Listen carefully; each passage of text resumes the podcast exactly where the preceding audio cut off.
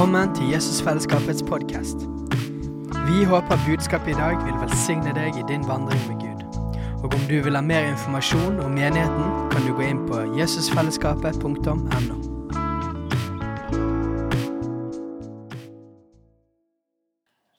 Yes. Da skal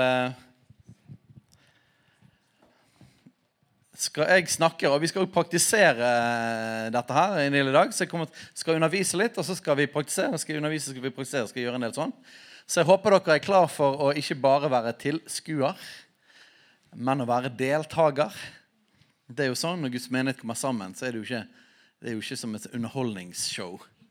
Det er jo som en deltaker i en kroppen, ikke det? Så i dag så skal jeg snakke om Fader vår. Og eh, Jeg har mistanke om at jeg kommer til å snakke mye om det denne våren. Og når man sier Fader vår, siden vi er liksom en eh, frimenighetssetting, karismatisk setting, så er det liksom ikke Det pleier ikke å være sånn masse jubel på det. da. Jeg som er oppvokst i en kristen familie, lærte å be Fader vår da jeg var liten. Og eh, nå kan jeg si, nå er jeg snart 40, så jeg kan si at nå er jeg veldig glad for det, fordi at jeg fikk Guds ord på innsiden. Jeg lærte masse sånne ting utenat, masse bibelsteder utenat, og jeg lærte denne bønnen, den bibelske bønnen utenat. Men gjennom oppveksten så kan jeg si at jeg syns ikke det var veldig spennende å be Fader vår. Um, det jeg husker best, egentlig, er at jeg pleide å gjespe midt i. Vi ba jo om kvelden, sant? gjerne. Pappa kom opp og så så var det Fader vår, du var i himmelen. Det var iallfall ett gjesp der, kanskje to. Og eh, fortonte seg mest som en liksom, resitering av noen ord. Um, mens når vi ba, når jeg lærte å be liksom, gjerne for sånn at vi ba for tanter og onkler og forskjellige folk, og sånne ting, opplevde jeg gjerne at, at, at jeg var mer koblet på òg da jeg var liten. Men man har liksom lært at det skal man be, for Jesus sa det. Og jeg må innrømme det at eh, at de senere årene, vil si sikkert de siste 20 årene, eller mer, så har ikke jeg drevet og bedt Fader vår. Jeg har bedt masse, da. Men jeg har ikke bedt de ordene der. Jeg, klarer vi å tørre, tørre, tørre, å spørre her om det er noen som ber sitt Fader vår? på en måte, Det er noe større å rekke opp en hånd. Ok, som, Hvem er det som ikke pleier å gjøre det sånn? Be som Fader vår, du som er opp med hånd. Hvem som ikke pleier å gjøre det så mye? Ok, Det er jo de fleste. Ruben var litt nervøs. da. Han bare Ja, meg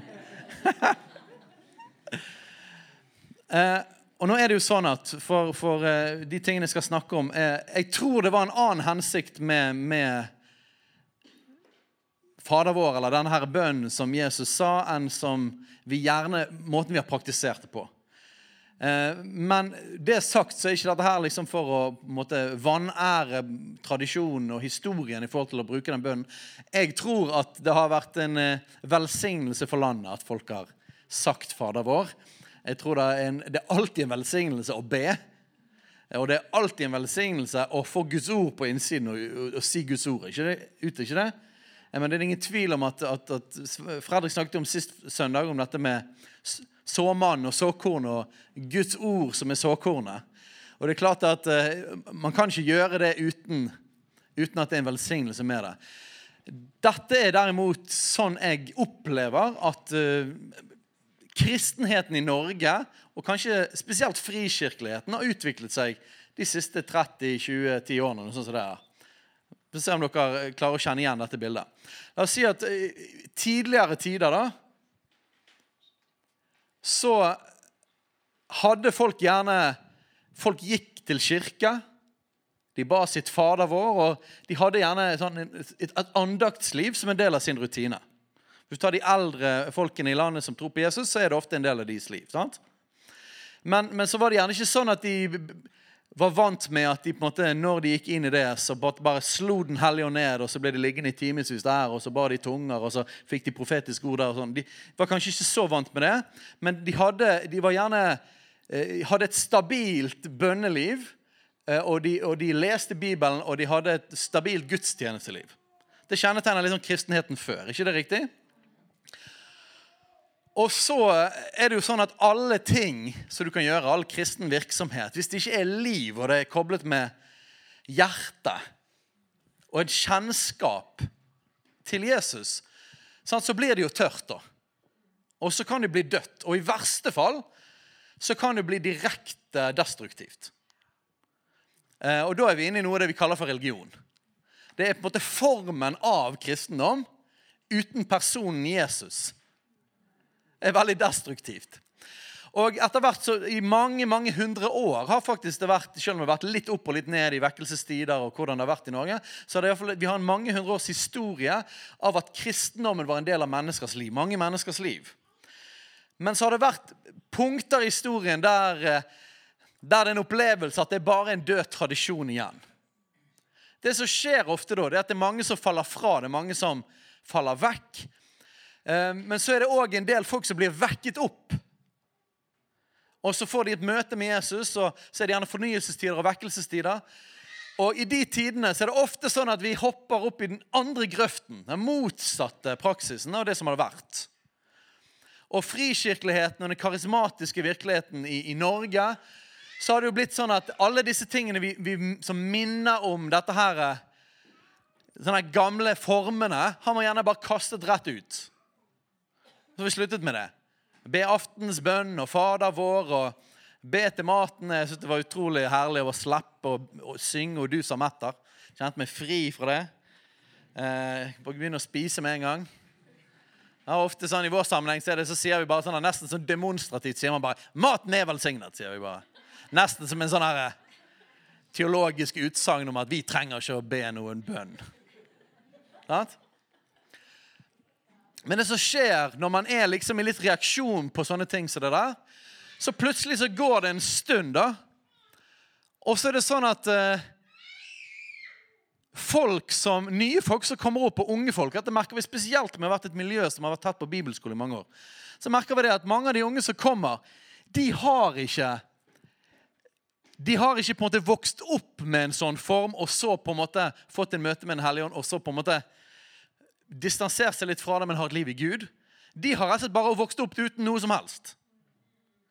De kjenner ikke Bibelen. De har ingen av disse her eh, vanene inni seg i det hele tatt. Og det eneste vi da har å tilby dem ofte i karismatiske settinger, er bare Bare be, du. Og så er det fint hvis, hvis det funker. Og med en del folk funker det. da. Men så trener ikke vi folk til det.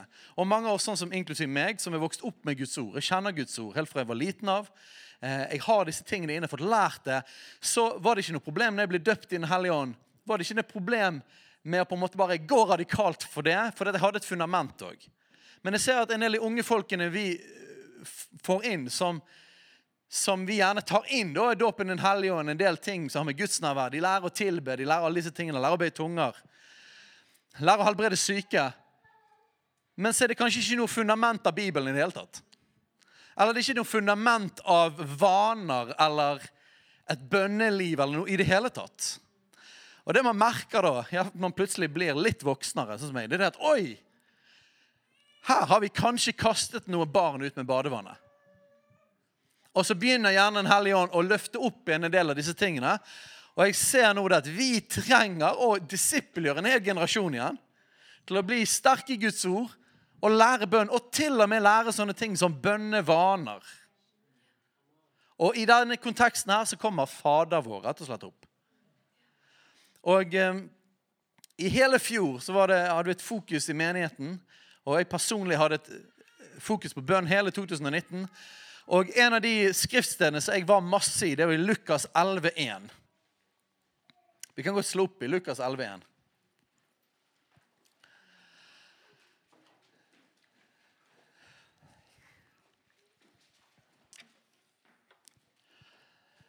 Og Der står det En gang var han, altså Jesus, et sted og ba.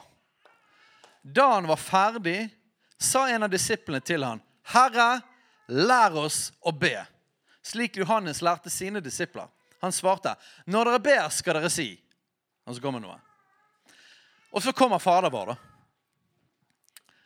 Og etter det, når i Lukas, så kommer det en lignelse om å en fyr som fikk besøk av en nabo sent på kvelden, og så skal han plage han. og Husker den historien, sant? Den historien har jeg hatt stor åpenbaring på og praktisert og undervist i mange år.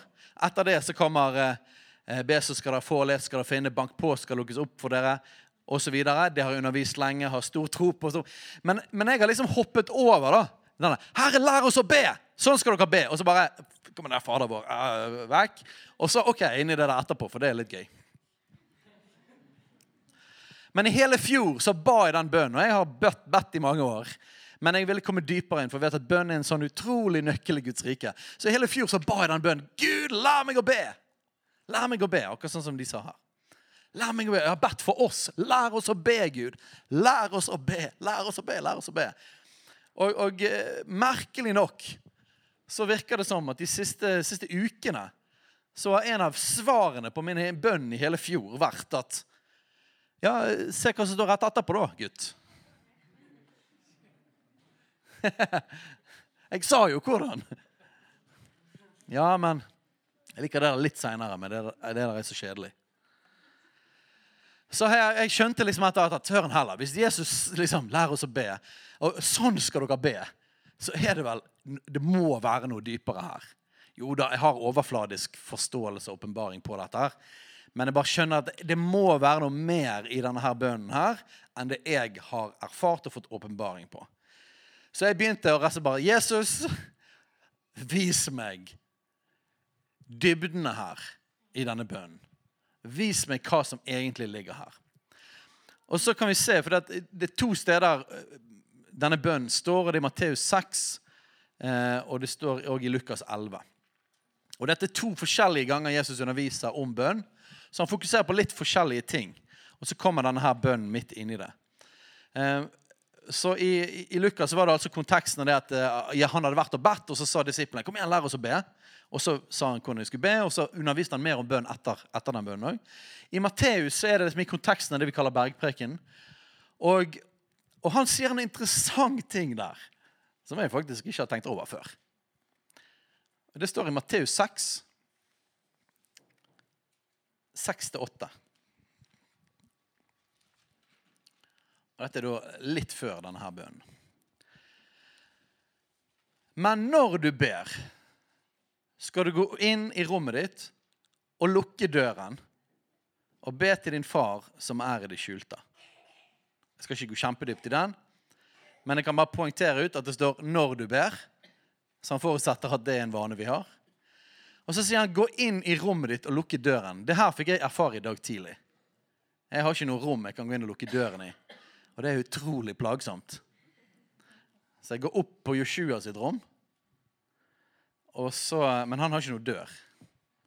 Så jeg kunne ikke praktisere dette. Men det handler jo basically om, skal ikke gå dypt inn i det, men det handler om eh, gå avsides, få tid aleine så du kan konsentrere deg. Gå, gå, et sted som gjør at ikke alt for, du får masse forstyrrelser. sant? Og din far et lite hint, for at det kommer senere. Din far som er det skjulte. Far. OK. Det kommer hinte om at Dette var ganske radikalt. Når Jesus snakker om bønn, og så snakker han om far. Så er det, dette et paradigmeskifte i jødisk forståelse av bønn. Din far som er i det skjulte, og din far som ser i det skjulte, skal lønne deg. Det fins eh, Det var vel han her eh, Kjell Haltopp som var her eh, tidligere, som sa at Lønnspålegg snakket han om. Hørte du hva han sa det? Når du ber, skal du få lønnspålegg. Så vi får lønn. Og så ser vi litt sånn her, jeg, merker som norsk eh, pietist så blir jeg litt sånn Nei, jeg trenger ikke noe lønn. Det er bare bra å be, så jeg trenger ikke noe lønn. Så vi blir nesten litt falskt ydmyk på det. Men jeg tror faktisk at den lønnen har vi lyst på. Ok? Det er bare en liten detalj der òg. Men så kommer det som jeg skulle, skulle, si her, som er litt interessant, siden dette er rett før Fader vår. Når dere ber skal dere ikke ramse opp ord. Hm. Jeg skal ikke ramse opp ord. Og så er det litt interessant. For er ikke det nøyaktig det vi har pleid å gjøre med Fader vår? da? Når dere ber, skal dere ikke ramse opp ord. Hm. Slik hedningene gjør. De tror de blir bønnhørt ved å bruke mange ord. Vær ikke lik dem, for dere har en far som vet hva dere trenger, før dere ber han om det. Nok en gang et hint her om at her er det et eller annet relasjonelt som foregår. En far. Se at, at Jesus setter en kontrast mellom oppramsing, noe vi bare gjør som en sånn her eh, vane, et eller annet, en går det an å si død tradisjon, en vane som det ikke er liv i. Og Han setter en kontrast mellom det og en relasjon med en far som vet hva vi trenger. Til og med der så er det underforstått. Når det gjelder ei bønn, så vet vi jo at vi ber jo ofte for at han skal svare på den bønnen. Vi ber om noe for at vi skal få det. ikke det riktig? Det ligger jo i bønnen, og det er helt, det er jo ingenting galt i det. Men her så ser vi at Jesus setter en annen atmosfære likevel rundt bønnen. Som rett og slett er at det er ikke primært for at dere skal informere Gud om dine behov. Det er noe dypere enn det. Nå, er, nå skal jeg ikke si for mye om det akkurat nå, for vi kommer til det. Men det er helt rett å be om spesifikke ting, og vi skal be, og vi skal få. Men vi skal ikke be som til en upersonlig funksjonær. En Nav-funksjonær som skal gi oss det vi har rett på. Sant? Men vi har en far som vet, at, vet, hva vi trenger. Så det betyr at her ligger det noe i relasjonen og vår identitet og forhold til han som er nøkkelen i bønn.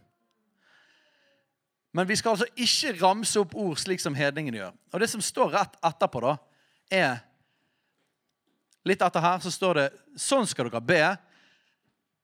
Vår Far i himmelen. Det er nummer én. OK. La meg ta den med en gang. Jeg tror ikke Fader vår er egentlig ment til å bare leses gjennom eller bes gjennom på den måten. Fader vår, du som er i himmelen, ditt navn holdes hellig, ditt rik. Gis i dag daglig brød. Jeg tror ikke det er noe galt i det. Jeg, jeg, jeg tror at Gud hører. Jeg tror at det er noe vi, at det at det har vært en del av vanen vår, det, det er en bra ting. Men jeg tror ikke egentlig det er det Jesus sier. For det første så sier han her dere skal ikke ramse opp. ok? Men det er jo det vi pleier å gjøre med Fader vår. For det andre syns jeg det er interessant at det fins ingen andre steder i Bibelen der vi ser at de faktisk ba sånn. Og det, det, er ganske mange bønner som er resitert i Bibelen. Ganske mange situasjoner der, der bønner er skrevet ned. Men det er ingen plasser der det står OK, folkens, la oss be. Fader vår, du som er i himmelen. Det står ingen plasser. Så det synes jeg er interessant. Pluss at i Lukas 11 her så er konteksten at Jesus hadde vært et sted og bedt. Sannsynligvis hadde han vært mer enn 20 sekunder vekke. Det tar sikkert 20 sekunder å ramse gjennom. Så det betyr at Jesus kan ikke ha stått der og bare bedt den bønnen om igjen og om igjen. Noen ganger så står det det at han var borte hele natten og ba. Jeg har opplevd mange ganger når, når har, eh, folk har spurt meg hva jeg jobber med, og så jeg har jo masse forskjellige svar på det. da. For jeg gjør mye forskjellig. Men når jeg har svart liksom jeg jobber på bibelskole, så har liksom folk bare sånn Bibelskole? Hva, hvis de ikke er kristne, da. Så, hva i all verden er det for noe? De fatter ikke hva det kan være for noe. Så prøver de seg for seg. Hva gjør dere der, da? Vi bare sitter dere og bare leser Bibelen. Ja, vi leser ned Bibelen, og så, og så har vi noen bønn. Lovsang vet ikke hva er. så bare, vi, har, vi ber, og de bare Dere ber? Sitter dere bare ber Fader vår om igjen og om igjen og om igjen? Sant? Men så får dere Jesus som er liksom hele natten i bønn. For Jesus sa det at sånn skulle vi be. Det var tydeligvis sånn han ba. da. Så hvis det var sånn han ba, så ser vi for oss Jesus vekke seks timer. Han ba 'Fader vår, du som er i himmelen' Og så ber han liksom fem millioner ganger gjennom den bønnen. Ja, Jeg tror dere har tatt poenget.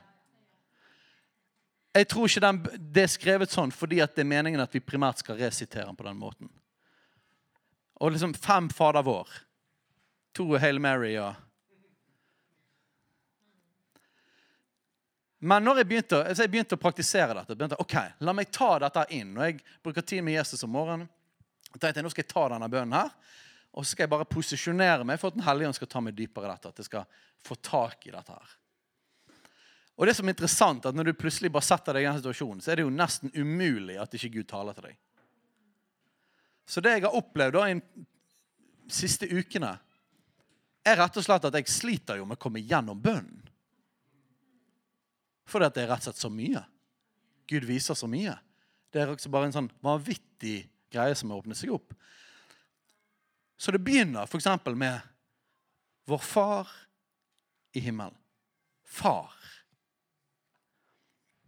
Og dere vet kanskje dette, men Gud, Guds offisielle navn, som han sa til Moses i brennebusken, er 'Jeg er', eller Javé. Og det navnet det var så hellig. Jødene mente dette var så hellig at vi kan ikke si det. Selv om det faktisk står skrevet egentlig flere ganger i Bibelen. Men de skrev det om til Elohim, som betyr herre. Og så er det andre, hva er det andre ordet for, for Gud? Adonai. Adonai og Elohim. Så de lagde et navn på, fordi at hans egentlige navn det var så hellig, og det var så, du kunne ikke, liksom, du kunne ikke si det engang. Så de lagde et slags, slags mellomnavn imellom, som var på en måte, det var, det var, formelt nok til at de kunne si det. Og det var, det var betegnelsen de brukte på Gud når de ba. Så de sa Gud, men det lå en underforstått ut at det er en avstand, og hans navn er farlig og for hellig. Og Når Jesus kommer og ikke bare sier at Gud er min far, men han sier at eh, når dere ber, skal dere si far, så var det et paradigmeskifte. Det er en revolusjon. Dette er, ikke, dette er jo litt sånn selvfølgelig for oss, for vi vet hva som står seinere. Vi vet hva den nye pakt er. Vi vet vår identitet som sønner. Vi vet alle de tingene der. Men, men det Jesus sier først og fremst av alt, det er Når du kommer fram for Gud, så skal du begynne i at han er far. Og dette er litt sånn, ja, ja, men det vet jeg jo, jeg, kan all teologien på det. og sånn. Men nå har jeg begynt å praktisere det helt spesifikt. Og dette er måten jeg gjør det på. Jeg går inn der, jeg begynner der, og så går jeg ikke videre før jeg har landet der. Og Jeg vil ikke resitere det bare. Jeg vil, jeg vil være i det. Jeg vil posisjonere meg i det. Og så begynner jeg å si 'far'. Far. Og så vet jeg jo at det står en bibelvers om disse tingene. Så kommer de opp, da. Dere fikk jo ikke trelldommens ånd så dere igjen skulle frykte. Men dere fikk barnekårets ånd, som gjør at vi roper, roper 'Abba, far'. Og 'Abba' på aramesk, det betyr pappa. Oh, det er jo enda heftigere enn far. For jeg kalte ikke min far for far, jeg kalte han for pappa. Og så er det bekreftet det står i Romerne 8,15 der. Så er det bekreftet i Galaterne 4,7. Og fordi dere er sønner, har Gud sendt sin sønns ånd inn i våre hjerter, som roper 'Abba, far', eller 'pappa'. Så er det da ikke lenger trell, men sønn. Og Disse tingene vet vi, men det er forskjell på å vite og meditere på. Så når jeg sitter der om morgenen, så tenker jeg OK, jeg skal ta deg på ordet, Jesus. Jeg skal begynne å be på denne måten. Så går jeg inn og sitter der og sier, 'Far'. Pappa. Takk at du er min pappa. Og så leser jeg disse ordene som kommer opp. Og så i Johannes 1,12.: Men alle dem som tok imot ham, dem gav han rett til å bli Guds barn. De som tror på hans navn. Og så se hvor stor kjærlighet Faderen har vist oss. At vi skal kalles Guds barn. Og det er vi. Vet du hva som skjer når du mediterer på de ordene? Og sier far, pappa. Takk, Gud, for at jeg er ditt barn. Takk, Gud, for at du elsker meg. Takk, Gud, for at jeg ikke er en slave. Takk, Gud, at jeg kan komme frimodig, akkurat som et barn. Takk, Gud. Vet du det som skjer da? Er det at Jeg vet ikke om dere sliter med dette, eller sliter. Men jeg kan merke fortsatt, selv om hvor godt jeg vet at jeg er elsket, så merker jeg at jeg trenger å høre det og kjenne det hver dag. Hver dag. Det er ikke nok at det er en teologi for meg. Så når jeg blir i det, så merker jeg at alt stress i å komme foran han, alt strev, alle tanker som så lett kan henge seg på oss om at jeg er ikke god nok. Jeg er ikke elsket nok. Er det noen som har hatt sånne tanker noen gang? Håper vi å være litt ærlig her. Er det noen som noen gang har skulle bruke tid med Jesus eller være sammen med han, skulle be, og så har du Det har vært et eller annet der, sånn rusk i maskineriet fordi at du strever med et eller annet av sånne tanker og følelser. Opp med hånd. Ok. Det viser seg at Jesus sa til oss hvordan vi skulle ta oss av det. Begynn med pappa. Og ikke gå videre før du er landet der. Og dette er så simpelt at det er så lett å gå forbi. Men når du begynner å praktisere det i hverdagen Og jeg, jeg har hatt et godt liv med Gud i mange mange år. Jeg er vant med å kjenne hans nærvær, jeg er vant med å lese Bibelen. jeg synes det er bra. Jeg... Men likevel så merker jeg at oi, når jeg praktiserer dette, så bare åh, Så lander jeg, da. Takk, pappa. Og så forandrer det hele perspektivet mitt i forhold til å gå videre. Og en ting som er fantastisk, det er at det setter deg fri fra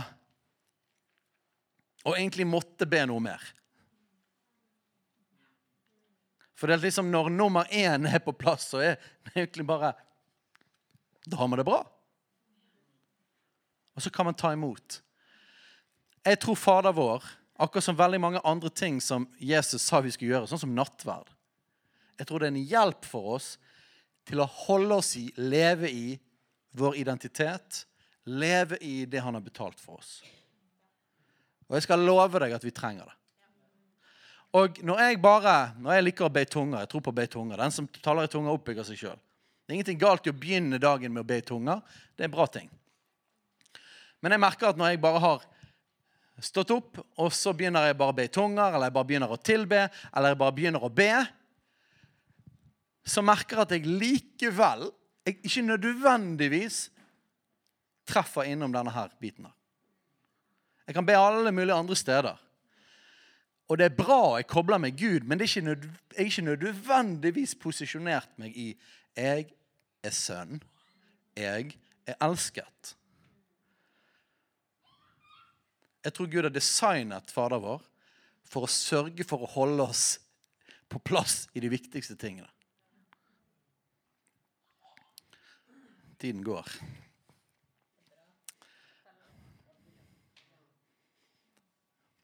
Planen min var nemlig at jeg skulle ta kjapt gjennom alle i dag, men jeg får ikke sjans.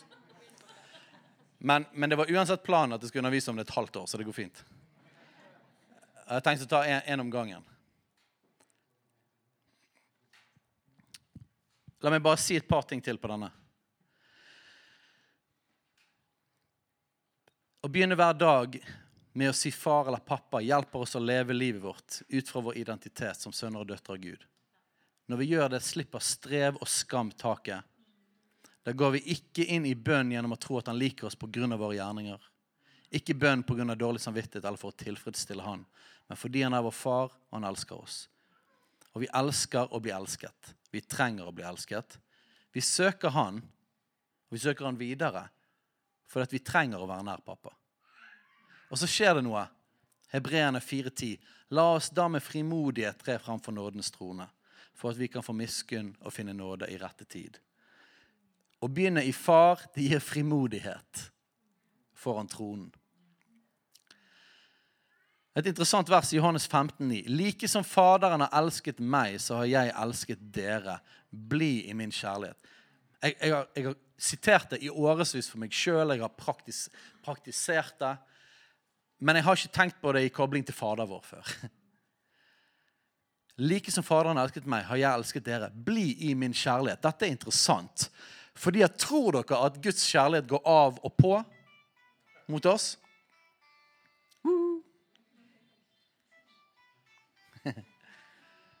Dere vet svaret på dette, men dette er interessant for å forstå dette verset. Er det sånn at Guds kjærlighet blir skrudd av og på? Er den konstant? Ja, Så Guds kjærlighet er konstant til oss, sånn generelt. Men Guds kjærlighet er òg konstant rettet mot oss individuelt. Er det riktig? Ok, Så hvorfor i all verden sier han 'bli i min kjærlighet', da? Det kan jo ikke bety at hvis vi ikke blir i han, så elsker han oss ikke. Sånn, det kan ikke bety det? Sånn, så vi skal bli i han, Men det kan ikke bety at vi kan gå ut av hans kjærlighet på den måten av at, at, at vi ikke er elsket lenger hvis vi går ut. Skjønner du hva jeg prøver å si? Så det må bety noe annet enn det. Jeg er overbevist om at det betyr Bli i min kjærlighet betyr ikke at han slutter å elske hvis du går vekk. Det betyr bli værende i erfaringen av hans kjærlighet. For det, den kan vi gå ut av. Jeg har gått ut av den mange ganger. Har du? Utfordringen er ikke liksom bli et sted sånn at Gud skal elske deg. Utfordringen er bli der innenfor den paraplyen av hans kjærlighet, sånn at du erfarer, erfarer den, kan ta imot den. Fordi at vi kan løpe ut av bevisstheten av det. Og nå vet jeg at Vi er forskjellige når det gjelder vår følsomhet, hvordan vi er skrudd sammen. Eh, vi har òg forskjellige sesonger i livet. Vi har forskjellige dager, og det er forskjellig hvor mye vi har sovet om natten. Det er forskjellige sånne omstendigheter. Og alle de tingene der, det påvirker hvor mye vi føler hans kjærlighet. sant? Noen mennesker føler ikke like mye som andre. Mens, mens, og så er det også sånn at det er forskjellige sesonger og forskjellige dager i forhold til hvor følelsene våre er. Jeg tror at det går an å posisjonere seg og bli i hans kjærlighet, selv om vi ikke nødvendigvis føler det. Følelsen er Følelsen forutsetter jo at det apparatet vi har, denne her, liksom, apparatet som kan fange opp følelser i oss, at det på en måte er litt sånn OK. Og det, det apparatet er litt følsomt. Følelsene er litt følsomme. Sånn at det apparatet er litt sånn, det må justeres hele tiden, og det funker bra noen ganger. Noen ganger så er det helt krasjet. Men, men følelsene er jo aldri det som, som bestemmer eller sier så mye om, om han er der eller ikke. sant? Det sier lite om objektive sannheter, men det sier noe om hvor mye vi klarer å fange opp i følelseslivet vårt. Men uansett hvordan den er, så vet jeg at det er mulig å bli i hans kjærlighet erfaringsmessig, selv om du ikke føler. Dette høres litt komplisert ut. Jeg tror du kan erfare den selv om du ikke føler det. Hva all verden er det du snakker om, Steinar? Jo, sånn funker det. Det tankene dine er fylt av, det preger deg. Det gjør det. Til og med om følelsesapparatet er litt sånn der, så vil tankene dine vil påvirke din posisjon og din stilling og tankene dine kan posisjoneres i sannheten hver dag, uansett hvor mange timer du har sovet. Og uansett hvor følsom du er. Det jeg merker det på, for jeg er en veldig følsom person Det jeg merker det på, er det at når jeg posisjonerer meg i tankene fordi at jeg har en følsom sånn her, eh, termometer som fanger følelsene mine opp med en gang tankene lander. Det er interessant. Men det betyr at hvis følelsestermometeret mitt var ødelagt, så ville jeg likevel posisjonert meg. Å, skjønner dere dette? Jeg håper dere forstår hva jeg snakker om. Jeg kan, jeg kan erfare det følelsesmessig òg, men jeg merker det skjer noe med meg på tross av om jeg føler det eller ikke. Når tankene mine lander i sannheten. Fordi at tankene våre kan vandre hit og dit. Kan ikke de det? Men det går an å så sannhet inn i tankelivet hver eneste dag. Og på den måten posisjonerer du deg i din identitet. Du gjør det. Helt seriøst. Og hvordan gjør man det? Ved å ta Guds ord. Guds ord. Guds ord, Guds ord, Guds ord. Man gjør det gjennom å stå der. Uansett hvordan du føler, uansett hvor mye du sover. alt det der. Hvis du bare sitter deg ned, og så sier du dere fikk jo ikke trelldommens ånd så dere igjen skulle frykte, men dere fikk barnekårets ånd som gjør at vi roper 'Abba, far, pappa'. Og så sier du 'Takk, Gud, for at du er min pappa'. Takk, Gud, for at du elsker meg. Når du tar Guds ord, sannheten og bønnen, så blir du posisjonert i 'bli i min kjærlighet'. Og du blir det. Og det interessante er at jeg har eksperimentert litt med dette hvor, hvordan dette funker. Interessant er det at De gangene jeg er veldig trøtt og jeg ikke føler det, så merker jeg at tankene mine blir rolig likevel. Det kommer fred i sinnet mitt likevel. Og litt utover på dagen sånn cirka vi sovet veldig lite, så skjer det rundt klokken ti. Da plutselig bare våkner jeg litt opp. da. Og da bare kicker følelsene mine inn. Og når jeg har vært, brukt tid med han, men òg satt meg i hans kjærlighet. Satt meg under den paraplyen av å bli i min kjærlighet. Så merker jeg at plutselig, lenge etter jeg har gjort det, så plutselig bare bam, uh, nå føler jeg Guds kjærlighet. Merkelig. Interessant. For som sagt, følelsene er ikke poenget her. Om du føler det lett eller ikke, sånn, det er ikke poenget. Men det er en interessant indikator på hva som skjer med meg. Hva som skjer i min ånd, min sjel og min kropp. I hele meg. Du kan posisjonere deg uansett hvordan. Men det skjer i Guds ord og bønn. Like som Faderen har elsket meg, så har jeg elsket dere. Bli i min kjærlighet. Så jeg tar sånne ord, og så bare takker jeg. Takk at jeg ikke må streve for din aksept. Takk at jeg kan kalle deg pappa. Takk at du liker meg. Og vet du hva? Det bryter av løgn. Det gjør det. Og hva tror dere er de viktigste løgnene for djevelen å så inn i oss? Det er det som tar vekk eller gjør at vi ikke lever ut fra vår identitet. Ikke? Det kan være mye annet rart han prøver å si, men det er liksom kjernegreien. For får du en kile inn der, så blir liksom alt skeivt, ikke det? OK. La meg ta kjapt noen av de andre. Neste bønn er 'La navnet ditt helliges'. La navnet ditt helliges. Og så kan man jo spørre ja, er ikke navnet hans hellig, da? Så hva, hva betyr det egentlig? La navnet ditt helliges. Uh, og så slo det meg at det er et sted hans navn er hellighet alltid. Noen som har mistanke om hvor det er? Det er i himmelen. Vet du hva de synger der? Hellig, hellig, hellig. Hellig, hellig, hellig. Hans navn er alltid helliget i himmelen.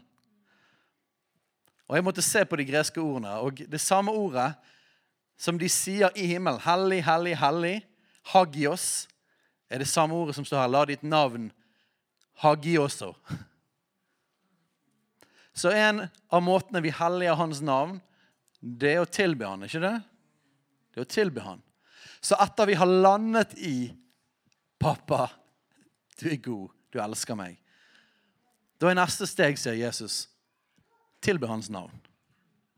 Tilbe hans navn. Løft blikket og tilbe. Og så funker jo dette veldig bra. vet du. Fordi at 1. Johannes 4 sier det at vi elsker fordi han elsket oss først. Så det at Når vi blir fylt av Guds kjærlighet og posisjonerer oss der, så begynner tilbedelse å komme ut av oss. Det skjer. Og så kan vi tilbe han, så kan vi ære han. Masse vers på det. Men så er det en annen side av det òg. For dette er ikke kun bare å tilbe som ligger i det verset her. Men det betyr òg at vårt liv og vår munn skal gi han ære. Ikke bare i lovprisning, men videre enn det òg.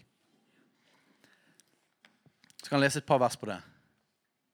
Hellig han med vår munn. La oss derfor ved han alltid bære fram lovprisningsoffer til Gud. Det er frukt av lepper som priser hans navn. Den kjenner vi jo godt. Men så er det det andre, da.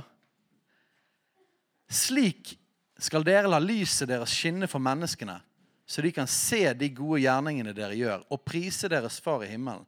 Livet vårt helliger Gud. Og så står det i Jakob så står det om tungen. ikke? At med tungen så bare forbanner vi og velsigner vi. Og så sier Jakob det at sånn skal ikke det være. Så bønnen på denne her Vi kan snakke mye mer om det, men noen av hovedgreiene er tilbe Gud, men òg Gud. Jeg vil leve for deg, og jeg vil at livet mitt og denne dagen skal være til ære for deg. Jeg vil at mine tanker og mine handlinger skal gi ære til ditt navn. At ditt navn skal bli helliget gjennom mitt liv. La mitt liv være hellig sånn som du er hellig. La meg bringe ære til ditt navn. Og så kan man bli der en stund. Så kan man tilbe han, så kan man be om det. Så skal man at livet skal være Skjønner man at oi, dette er jo rimelig sentrale, viktige ting? ikke? Virker som Jesus hadde lyst til at vi skulle gå inn i bønn i dette fokuset. Og Så kommer den bønnen som vi kanskje er mest vant med. La ditt rike komme. La viljen din skje på jorden som i himmelen. Og Jeg tror ikke jeg skal gå langt inn i det nå, for at dere kjenner til evangeliet om Guds rike. Og Når jeg slår opp i Bibelen og jeg søker på alle stedene det står om Guds rike, så er det tre ting som merker seg ut som tegn på at Guds rike er kommet nær. Og Det første er det er omvendelse. Fra den tiden begynte Jesus å forkynne og si omvend dere, for himmelens rike er kommet nær. At mennesker vender om til Jesus. Det er et tegn på Guds rike kommer nær. Et annet er helbred de syke der i byen og si til dem Guds rike er kommet nær. Så helbredelse er et tegn på at Guds rike kommer nær. Og så er det tredje, da. Men er det ved Guds ånd jeg driver ut de onde åndene, da er jo Guds rike kommet til dere. Så mennesker blir satt fri fra onde ånder. Så de tre hovedtegnene som blir gjentatt igjen og igjen, og igjen, er mennesker vender om til Jesus. Tegn og under og mirakler skjer, og mennesker blir satt fri. Så la ditt, la ditt, rike komme, la din vilje skje på jorden som i himmelen. Det er jo vekkelsesbønnen, ikke det? Gud, grip inn! Grip inn. La ditt rike komme til Bergen, Gud. La ditt rike komme til byen vår. La ditt rike bryte gjennom i nabolaget vår, i familien vår. Helligånd, kom, fall på oss. Det er en sånn bønn som vi ber mye. Det er basically denne bønnen, den samme bønnen. Helligånd, kom, Helligånd, fall er det samme som la ditt rike komme. Det at Guds rike er i manifestasjonen av Den hellige ånd når han faller. Men så vet vi at det er mer enn de tre tingene, og dere kan disse tingene her, men, men vi vet jo at måten vi kan finne ut om noe er på, om det er Guds rike som er kommet eller ikke, det er å se om det, om det finnes i himmelen. Dette har jo Bill Johnson lært oss. Fins det i himmelen? Hvis det ikke det i himmelen, så kan du be. La din vilje skje i denne situasjonen som i himmelen. Hva betyr forskjellige ting. Jeg skrev noen, noen ting her, så kan jeg si. Forsoning i relasjoner istedenfor konflikt og splittelse. ikke det riktig? Fins det splittelse og konflikt i himmelen? Nei. Så la ditt rike komme. Det betyr forsoning. Forsørgelse istedenfor fattigdom. Det fins ikke fattigdom i himmelen. Glede istedenfor depresjon. ikke? La din vilje skje i den personen sitt liv, sånn som i himmelen. Det betyr sett den personen fri fra depresjon. Fred istedenfor frykt og angst. Man snakker mye om i tiden om, om eh, om eh, Ikke sjelisk helse, for det er sånn vi sier det. Psykisk helse. Det er det samme. Man snakker mye om psykisk helse. Det fins masse forskjellige sider av det, men grunnleggende sett så er det 'La ditt rike komme, Gud'. Psykisk helse, psykisk god helse, en frukt av himmelen som kommer nær. Jeg bare lagde en bønn her som man kan lage til sin egen. Men la Jens få en jobb La Ingeborg bli helbredet for kreft. La Tore og Ina komme sammen igjen. La bakeriet på hjørnet få kunder og ikke gå konkurs. La kriminaliteten gå ned i bydelen vår, og la det bli slutt på mobbing på skolen vår. Masse konkrete eksempler på Guds rike bønner. ikke det? Så etter vi har vært i Han er far. Han elsker oss. Så retter vi blikket på han, og så tilber vi han, og så heller vi hans navn, og så sier vi vi vil, vi vil at vårt liv skal være hellig. Vi vil at vårt liv skal gi ære til ditt navn så er man på et utrolig godt sted og posisjonert for å gå inn i forbønn som dette. Vekkelsesbønn, forbønn. Be Guds rike ned. Men da ber vi et, en riktig posisjon. Ikke fra 'Please, hjelp oss, alt er så fælt her nede'. Men jeg vet at jeg er en sønn og en datter, og jeg vet at gjennom tilbedelse så har jeg blikket festet på Jesus, han som er troens opphav som han er fullender. Så man ber for et annet sted. Og man kan bli alle disse tingene. Du kan be en dag på hver av disse. Og så kommer vi inn i 'Gi oss i dag vårt daglige brød'. Luther har en god kommentar på akkurat denne der. Han snakker om daglig brød. Det er mer enn brød. Det er mer enn mel. Det er mer enn at mølleren skal klare å lage brød. Og at vi skal ha penger til det. Men det gjelder alle tingene vi trenger fysisk. Og det som er interessant, er at den bønnen kommer rett etter 'La ditt rike komme'. Vet du hvorfor det? For Litt Seinere i Matteus så står det Jesus har en lang tale om 'ikke vær bekymret'. Husker dere den? Ikke vær bekymret for maten og klærne. Alle disse tingene. Ikke vær bekymret for hva dere skal drikke. Og Så snakker han masse om det. Og på slutten så sier han noe vi kan veldig godt. Søk først Guds rike og hans rettferdighet. Så skal dere få alle, alt det andre i tillegg. Så det gjelder faktisk en prioritet på hvordan vi skal komme foran Gud. Ikke kom først med personlige behov ikke kom først med alle disse tingene. En interessant ting som vi har opplevd bare disse ukene etter jeg har begynt å be Fader vår mer. Og jeg har jo bedt masse. Men etter jeg har gjort dette Jeg har bedt mindre for mine behov, og vi har sett flere bønnesvar på behov. Interessant. Jeg tror det ligger der, som jeg bare touchet en liten bit. Det er ingenting galt i å be for behov. Det er bibelsk å gjøre det. Men det er et eller annet med å forholde seg til rekkefølgen i hvor vårt fokus skal være i bønn. Og Det er interessant her ikke det, er ba, det er ikke, ikke engang bare det at det er relasjon først, og at det er tilbedelse først, men det er faktisk til og med å be Gud, la ditt rike komme rundt omkring i nabolaget. Gud, la naboen min bli frisk fra sykdommen sin før jeg ber Gud jeg trenger penger til regningen. Og Det er lett for oss å skjønne at relasjon kommer før behov. Men til og med Gud, la ditt rike komme, kommer òg før personlige behov. Interessant. Hvis vi er villige til å så ut av vår tid i å be for verden, da ligner vi på Jesus, ikke det? Det fins en velsignelse av det. Åh, masse svære ting her. og Jeg har jo gått ut av planen. For jeg ville vi skulle ta et område, så skulle vi be inn i det. Men vi, vi kan gjøre masse av dette. Men jeg skal ta de siste bønnene. Tilgi oss vår skyld, slik vi tilgir våre skyldnere. Eller så står det i Lukas 11,4 står det, tilgi oss våre synder for også vi tilgir hver den som står i skyld til oss.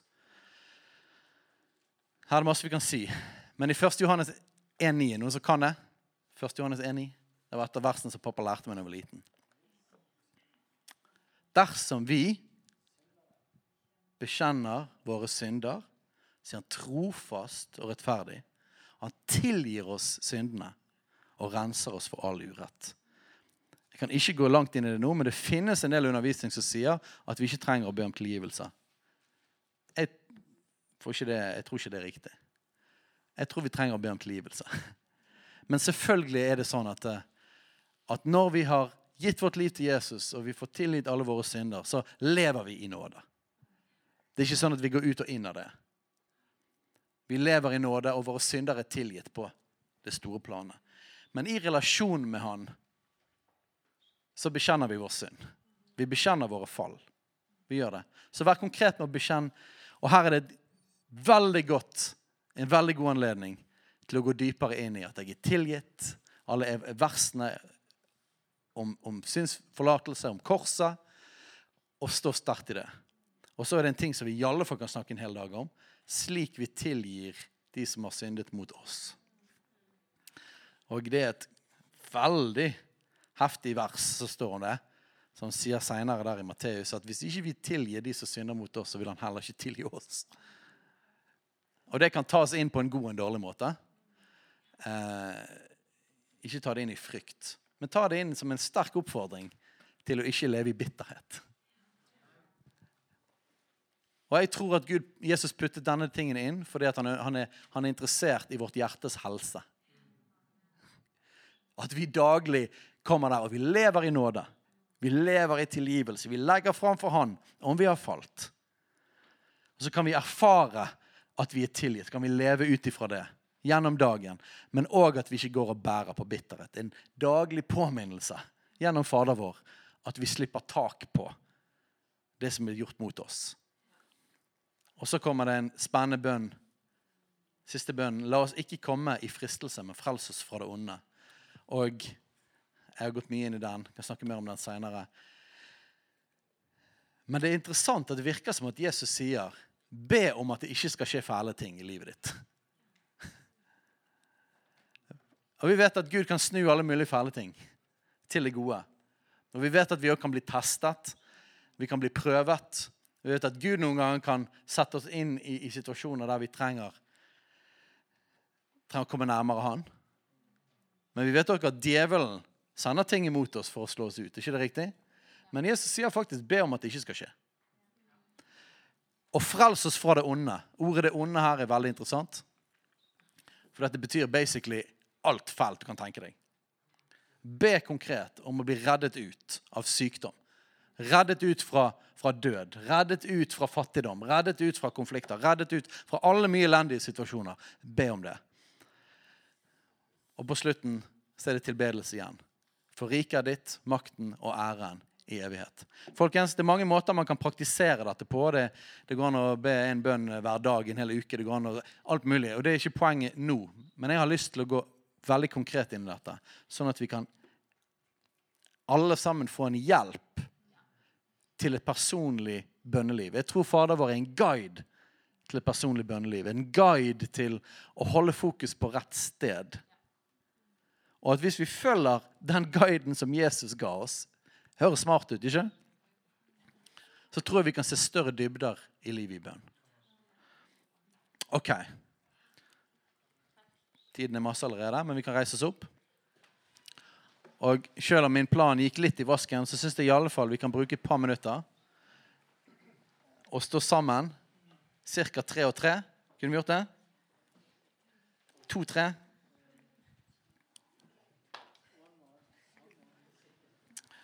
Og Vi har ikke tid til å gå gjennom liksom hele den bønnen nå når vi ber. Men jeg har lyst til at vi skal be om at han skal lære oss å be sammen med Guds ord og bruke ordet i bønnen, og at han skal åpenbare Fader vår for oss. Blir dere med på det? At han skal ta oss inn i en vandring nå de neste månedene der han åpenbarer Fader vår for oss, og at, at, at det får forme vårt bønneliv personlig. Kan vi be om det? OK, sett i gang.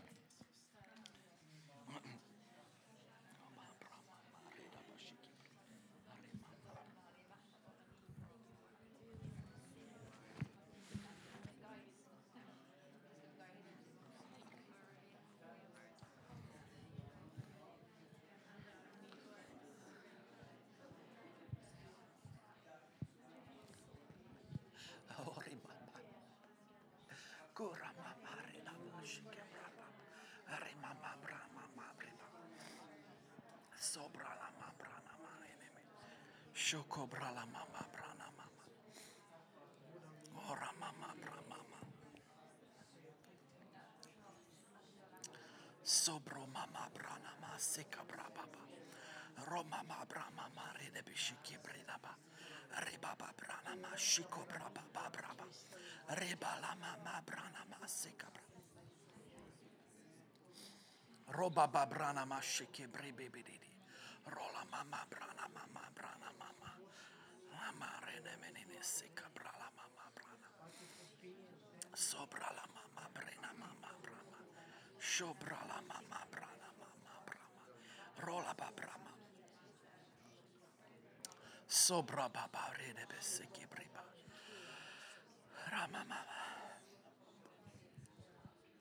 Jesus, jeg ber om at du lærer oss å be med ditt ord, Herre.